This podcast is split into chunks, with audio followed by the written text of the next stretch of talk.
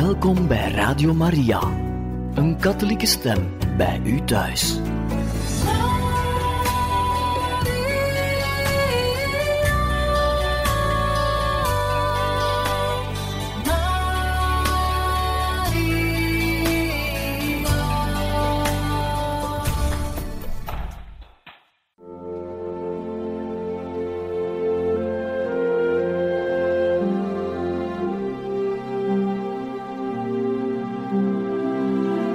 Beste luisteraars van Radio Maria, welkom bij het programma Catechismus. Een overweging bij de geloofschat van de kerk.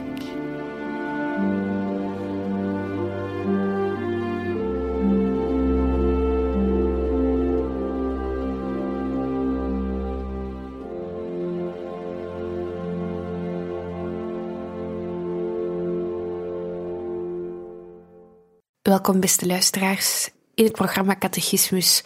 U kan vandaag verder luisteren naar een catechese-reeks over zending vanuit de Heilige Schrift, gebracht door Salvatoriaan Pater Michel Coppin.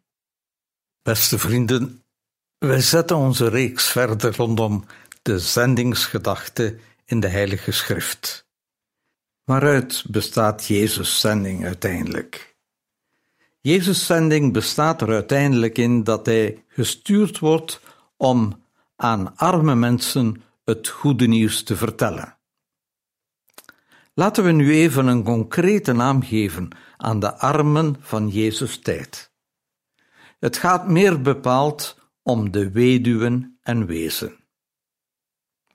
Weduwe en weesworden werden in de tijd van Jezus gezien als een straf voor begane zonden. Het was God die hen gestraft had omdat zij bepaalde dingen gedaan of niet gedaan hadden. En ze werden als zondaars beschouwd en ook met een schuin oog bekeken. Het was de man die voor het inkomen zorgde. De vrouw werkte binnenshuis aan de haard en was bezig met de opvoeding van de kinderen en kon dus nooit voor het inkomen instaan. Het openbaar leven was voor de man, de man het huiselijk leven en het huiselijke taken binnenhuis voor de vrouw. Dit wil zeggen dat een vrouw die haar man verloor, waarbij de man stierf of de man door de man verlaten werd, want ook dat kon gebeuren in die tijd en gemakkelijker als men dacht. Een vrouw die er alleen kwam voor te staan, kon alleen maar bezig zijn met de opvoeding van de kinderen en haar huiselijke taken. Zij mocht niet aan de slag gaan, werk zoeken of in het openbaar leven gaan deelnemen. Dat wil zeggen dat ze ofwel een nieuwe man moest vinden, maar wie zou er in de ogen van de mensen met een zondares willen huwen? Want laten we niet vergeten, weduwen werden als zondaressen beschouwd en waren niet bepaald een verlokkelijk om door een nieuwe man gehuwd te worden. Ze werden met argwaan bekeken en bleven meestal in hun eenzaamheid met de kinderen achter. Ofwel moesten ze zichzelf verkopen, wat nog meer afstotende blikken opleverde. Het leven van een weduwe was alles behalve een leuke zaak, mocht het ook ooit wel leuk zijn, wat helemaal niet het geval is. De kinderen werden dan ook de lotgenoten van de armoedesituatie waarin hun mama was terechtgekomen. Als Jezus zich tot de armen richt, dan is het vooral tot de armen van zijn tijd, de weduwen en wezen, maar ook tegenover de zieken. Zieken die eigenlijk de kans niet hadden om in een dagelijks bestaan te te voorzien en door hun langdurige ziekte eigenlijk behoeftig werden en moesten bedelen om te kunnen overleven. Het is aan deze mensen, aan deze armen, dat Jezus het goede nieuws wil vertellen. En het betekent dan ook dat deze vrouwen of dat deze langdurige zieken vanuit het nieuwe godsbeeld en de nieuwe religie die Jezus hen zal brengen, niet meer met de vinger mogen nagewezen worden en nog veel minder mogen veroordeeld worden. Want laten we niet vergeten dat langdurige zieken hetzelfde lot ondergingen als de weduwen. Ziekte werd beschouwd als een straf van God voor begane zonde. Dus hetzelfde lot voor de weduwen als de langdurige zieken was dat zij als zondaars beschouwd werden, uit een gemeenschap geweerd werden en dat uiteindelijk niemand met hen contacten mocht, mocht hebben, eh, waardoor ze onrein zouden worden en op hun beurt uit de gemeenschap zouden moeten uitgesloten worden. Dat wil zeggen, wanneer Jezus hen een, het goede nieuws vertelt, dan bestaat het goede nieuws erin dat ze weer als volwaardige leden weer een plaats in, in de samenleving kunnen innemen. Vrouwen worden niet gedoemd dan om eigenlijk onhuwbaar te zijn of aan hun lot overgelaten te worden. Vrouwen kunnen nieuwe stappen zetten en een nieuw leven beginnen. Langdurige zieken moeten niet omwille van hun ziek zijn geweerd worden, maar kunnen hun plaats in de samenleving weer innemen. Een tweede punt van zijn zending bestaat erin om tegen gevangenen te zeggen dat ze weer vrij zijn. Ook hier gaat het concreet om mensen die omwille van een of andere misdaad veroordeeld werden en in de gevangenis zaten. Ook zij telden in de maatschappij niet meer mee. En gezien ze als zondaars beschouwd werden, mochten de rechtschapen Joden er geen contact mee hebben. Ze werden gedoemd tot een lot van eenzaamheid en verlatenheid. Zij telden niet meer mee, zij mochten niet meer meedoen. Ook zij mochten van Jezus een plaats in de samenleving weer innemen.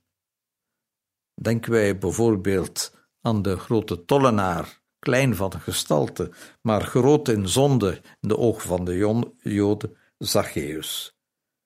Hij, de kleine man, ziet zijn fouten in, vraagt om vergeving en kan terug zijn plaats innemen. Het gaat hierbij ook om een bevrijd worden van een gevangen zitten in zichzelf. Een gevangen zijn die tot criminaliteit leidt. Want heel dikwijls is het zo dat criminaliteit ontstaat omdat een persoon in zijn eigen wereldje, met zijn eigen, in zijn eigen ik, gevangen zit.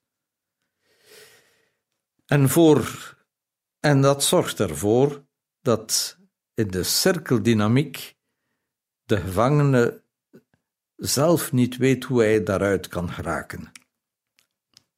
Het is het verhaal: wat is het eerst, het ei of het kip? Is er eerst de, de zonde of er, is er eerst het gevangen zitten in zichzelf en het niet, daar niet uit geraken en daardoor daden stellen die moeten bestraft worden.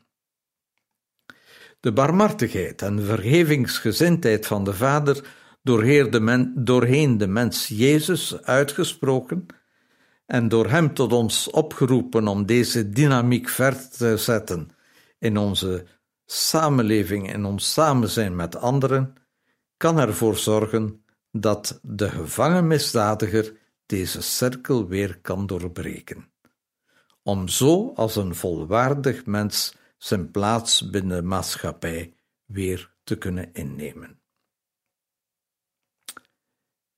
Jezus is niet vooral bezig met het veroordelen van de fouten van de gevangenen, De grote bekommernis is van Jezus is dat de gevangene tot inzicht komt, dat hij de cirkel waardoor hij blijft rondcirkelen in zijn gevangen zijn in zichzelf, maar ook in het maken van fouten als gevolg daarvan, dat hij die cirkel doorbreekt en een nieuw leven kan beginnen. Zo krijgen gevangenen en in zichzelf gevangenen de kans om de cirkel van gevangenschap te doorbreken en om als vrije mensen weer door het leven een plaats in de samenleving in te nemen. Ook deze manier van denken geldt ook voor onze eigen samenleving, onze eigen houding naar gevangenen toe. Zij zijn meestal het resultaat van een gevangen zitten door bepaalde eh, omstandigheden in hun opvoeding of het gebrek aan liefde in hun kinderen zijn. Een derde taak of een derde element van zijn zending ziet Jezus in het vertellen aan de blinden dat ze weer zullen zien. Jezus wordt door God gezonden om blinden te vertellen dat ze weer zullen zien. Hier heeft Jezus een goede boodschap voor de Joden en in het bijzonder voor de rechters, de schriftgeleerden, de fariseeën en alle Joden die in hun regeltjesreligie waren vastgelopen. Jezus wil de Joodse religie een nieuwe dynamiek geven. Een dynamiek die vernieuwend is, die nieuw leven geeft, die hoop geeft, die ervoor zorgt dat mensen weer de vreugde aan hun godsdienst, aan hun dienst aan God kunnen beleven. Hij wil nieuwe wijn in nieuwe zakken. Het hardnekkig vasthouden door rechters, schriftgeleerden en fariseeën en de heel vrome Joden aan hun religie van regeltjes en voorschriften maakte hen blind voor de liefde van God. De Joodse religie was voor de Joden een zwaar juk geworden, waarbij ze niet zagen hoe ze ervan bevrijd konden geraken. Het was eerder een moraal dan een geloofsbeleving, dan een vreugdevol zich verenigen met Yahweh. Ze liepen vast, zij vonden geen vreugde meer in hun religie en waren de band met de Vader, waar het toch om te doen is, die band waren ze volledig verloren. Jezus ziet het nu als zijn taak om hun ogen opnieuw te openen, opdat ze weer de essentie zouden zien, namelijk de liefde van God voor de mens de aanvankelijke liefde van God voor elke mens. En de vraag om deze liefde met liefde te beantwoorden naar God toe en naar de mens. Van die blindheid, van die verstokenheid, van de Joodse religie die de religie onmogelijk, eh, onhartelijk maakte, wil Jezus de ogen openen om het nieuwe dat hij wil schenken te laten zien. En dan is er tenslotte een vierde groep waar Jezus zich toe gezonden wordt om mensen die het moeilijk hebben te helpen. Misschien is de Willebrood-vertaling een betere, waar er staat om de verdrukten te laten gaan in vrijheid. De verdrukten waren aanvankelijk de verdrukten van de ballingschap. Zij die in onvrijheid leefden omdat zij gevangen waren meegenomen naar het, het land van de overheerser en waar ze slavenarbeid moesten verrichten. Wij kunnen ons nu afvragen: wie zijn nu die mensen die het moeilijk hebben of de verdrukten? Er zijn eerst en vooral de verdrukten door de Joodse wetten, zij die werkelijk het niet meer zien zitten, het niet meer haalbaar vinden om al die kleine, eindeloze reeksen van wetjes te vervullen, en daaronder gebukt gingen, echt een zwaar juk, onder een zwaar juk, maar ook de verdrukten, die verdrukt werden, vervolgd werden, of uh, die zelfs gedood werden, omdat zij volgeling van Jezus wouden zijn. Het zijn zij die op zoek gaan en die proberen uit de verdrukking van het leven weg te gaan. Zij die proberen te zoeken wat, wat Jezus uiteindelijk wil en eigenlijk gebukt gaan onder een groot moeilijk, uh, moeilijke opdracht, volgeling te zijn van Hem. Jezus moest en kon hun moeilijkheden niet oplossen, maar hij liet de mensen niet in de steek. Wij kunnen hier de vergelijking maken naar de barmhartige Samaritaan. Hij raapt de gewonde Jood op en gaat naar de herberg. En hij vraagt aan de herberg hier goed te zorgen, zodat de lijdende Jood, eigenlijk zijn vijand, niks tekort komt en uit zijn benarde situatie kan uitgroeien tot een vrij man.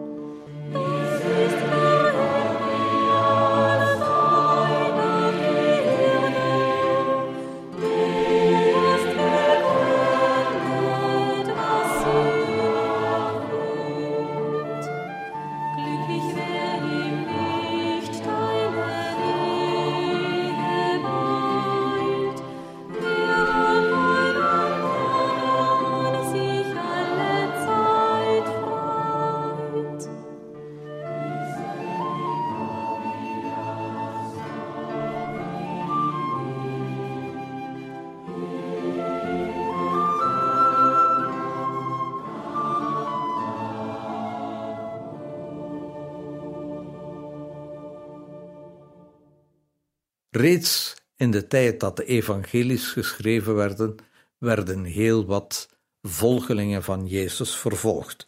Vervolgd door zij die blind waren voor het vernieuwende van zijn religie. Vervolgd en zelfs gedood werden, denken we maar aan de marteldood van Stefanus, omdat zij eigenlijk de nieuwe religie van Jezus hadden begrepen, deze probeerden te beleven in hun gemeenschap en daardoor eigenlijk afstand namen van de onderdrukkende, de verdrukkende religie, Joodse religie, van de toenmalige religieuze leiders. Jezus wil hen helpen, Jezus wil hen bijstaan om in hun zoektocht om deze religie te beleven en in hun afstand nemen van de oude religie die hen verdrukt, om hen het nieuwe leven toch te laten vinden, om het nieuwe leven in hen in hang te laten krijgen. Dit is dus de boodschap waar Jezus werkelijk voor gaat. Hij wil mensen helpen die het ook moeilijk hebben en vervolgd worden om zijn het willen. Dan zegt hij verder: Ik maak bekend, er komt een nieuwe tijd. Een nieuwe tijd om een genadejaar van de Heer aan te kondigen. Dat wil zeggen dat Jezus weer een gebruik maakt van een Joods gebruik om iets duidelijk te maken. Het nieuwe genadejaar zal ervoor zorgen dat er harmonie ontstaat tussen God, de mensen en de schepping, datgene wat de mensen omgeeft. Een genadejaar werd om de zoveel jaar om, bij de Joden gevierd en had een concrete invulling. Een genadejaar verwees ook naar de barmhartigheid van Yahweh en God, en deze barmhartigheid werd toegepast op de mensen. De schulden in een genadejaar werden de schulden vrijgesproken. Gevangenen kregen strafvermindering en in vele gevallen werd de vrijlating van hen uitgesproken. Waar oorlog en twist en ruzie was, probeerde men vrede te sluiten. En ook de bezittingen, waardoor rijken rijker werden en armer armer, werden herverdeeld, zodat er een groter evenwicht bestond tussen rijken en armen, of anders uitgedrukt, zodat de afstand tussen rijk en arm weer klein was, uh, kleiner werd, zodat de armen weer een menswaardig leven hadden. Met zijn zending, waar dat Jezus het werkelijk opneemt voor de armen, voor de gevangenen, voor zij die blind waren of zij die verdrukt werden, wil Jezus een heilvolle tijd, een tijd van vrede aankondigen, een tijd van genade. Wij zien dat Jezus, nadat hij de profeet Jesaja gelezen heeft, nadat hij een eerste aanzet tot interpretatie van het boek heeft gegeven, dat hij gaat zitten. Dat wil zeggen, vanaf nu gaat Jezus met gezag spreken. Hij gaat iets belangrijks vertellen. Hij gaat iets nieuws brengen of een oude traditie een nieuw kleed geven, zodat mensen het met vreugde in het hart kunnen opnemen. En meer bepaald, hij benadrukt de zending die hij van God gekregen heeft en waartoe hij als koning, als goede herder gezalfd werd. Wat ik jullie heb voorgelezen, is vandaag werkelijkheid geworden. Jezus past de woorden van Jesaja op zichzelf toe. Hij past de woorden van Je Jesaja toe op zijn relatie met God, die een relatie van liefde is en geen relatie meer is van schrik. Een relatie met God omwille van de mensen. God, de band met God en de band met de mensen is in het leven van Jezus steeds tegelijk aanwezig. Er is geen liefde tot God zonder liefde tot de mensen, en er is geen liefde tot de mensen zonder liefde tot God. Natuurlijk, met deze interpretatie, met deze manier van een oude tekst die zeer bekend was voor zijn toehoorders, door deze tekst een nieuwe inhoud te geven, niet alleen op het vlak van woorden, maar ook op het vlak van daden, een nieuw programma dat aan de mensen wordt voorgesteld. Het kan niet anders of de toehoorders geraken onder de indruk. Zij geraken onder de indruk van wat zij van Jezus hoorden. Deze lezing maakt duidelijk wie Jezus wil zijn. Het geeft zijn identiteit prijs.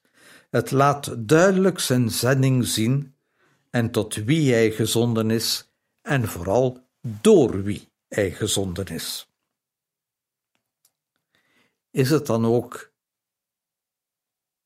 uitzonderlijk en niet eigenaardig dat zijn, de mensen van zijn eigen dorp zullen zeggen: Hoe kan zulke wijsheid, zulke religieus besef, zo'n diepgang, zo'n een sterke relatie met God komen van een zoon van een timmerman, bovendien in Galilea, waar uiteindelijk de Joden eh, beschouwd werden als een tweede rangs Joden, want de eerste en de beste die woonden in Jeruzalem in het zuiden.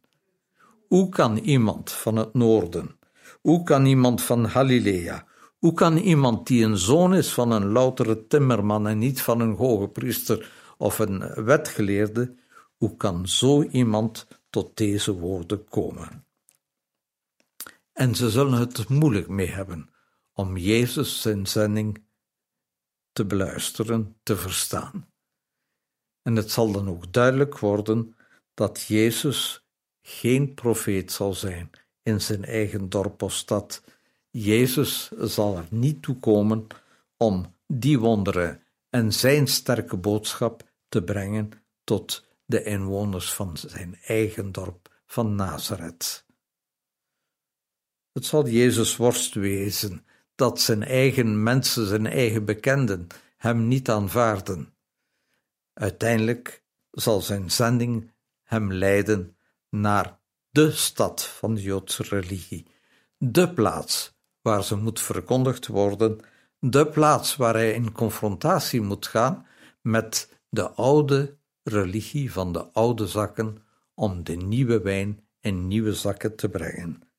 De plaats met name Jeruzalem, de plaats waar hij hiervoor, omwille van deze zending, zal veroordeeld worden en aan het kruis zal sterven, maar ook de plaats waar God hem tot nieuw leven zal doen herrijzen. Laten we dan besluiten met een gebed. Tot een welbepaalde dienst hebt gij mij, God, geschapen, een taak mij toevertrouwd, die gij een ander niet kunt geven. Mijn zending. Wellicht zal ik die zending hier op aarde nooit heel duidelijk zien. Maar na dit leven legt gij alles uit. Ik ben een schakel in de ketting, Heer, die alle mensen met elkaar verbindt. Je hebt mij niet voor niets gemaakt. Waar gij mij zendt, zal ik het goede doen, vrede stichten en waarheid verspreiden. Als besef ik het zelf maar half, als ik uw gebod maar onderhoud. Daarom, mijn God, vertrouw ik op u, wat ik ook word, waar ik ook ben, wat mij mag overkomen. Niets kan mij van u scheiden, en gij, die vader zijt en vriend, weet goed waarheen gij met mij wilt. Ik ben een schakel in uw ketting, Heer. Al wat gij doet, heeft zin. Amen.